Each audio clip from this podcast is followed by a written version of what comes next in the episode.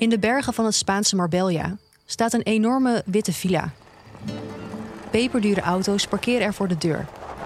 Een groep mannen komt bij elkaar.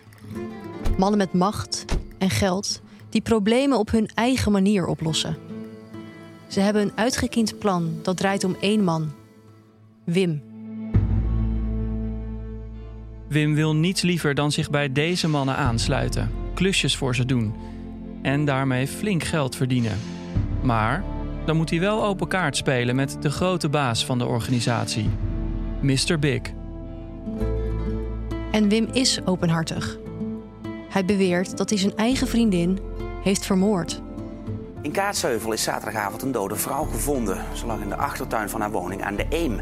Politie en justitie gaan uit van een misdrijf. In de rechtszaal zal diezelfde Wim keer op keer zeggen dat hij onschuldig is. Undercover agenten, want dat waren het eigenlijk, die mannen in de Spaanse villa, zouden hem te veel onder druk hebben gezet.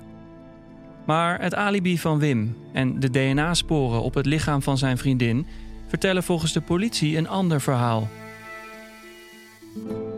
Wat als alle vermoedens wijzen naar één iemand, maar zijn schuld niet hard te maken valt met gewoon recherchewerk?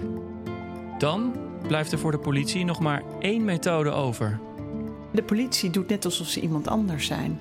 In de hoop dat daarmee uh, meer bewijs verzameld kan worden.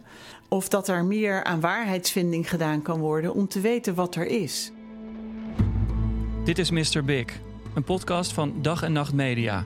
Waarin we je meenemen in de jacht van de politie op een bekentenis. Ze zijn heel dichtbij gekomen bij deze man, hebben ze vertrouwen gewonnen en het heeft geleid tot een prachtige bekentenis.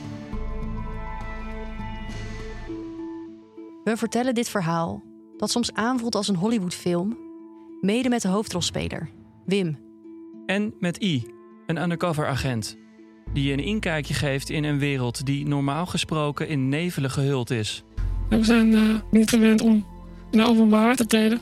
De, de, reden dat ik met jou praat, uh, daar kunnen gevolgen aan hangen die, uh, die voor mij onprettig zijn.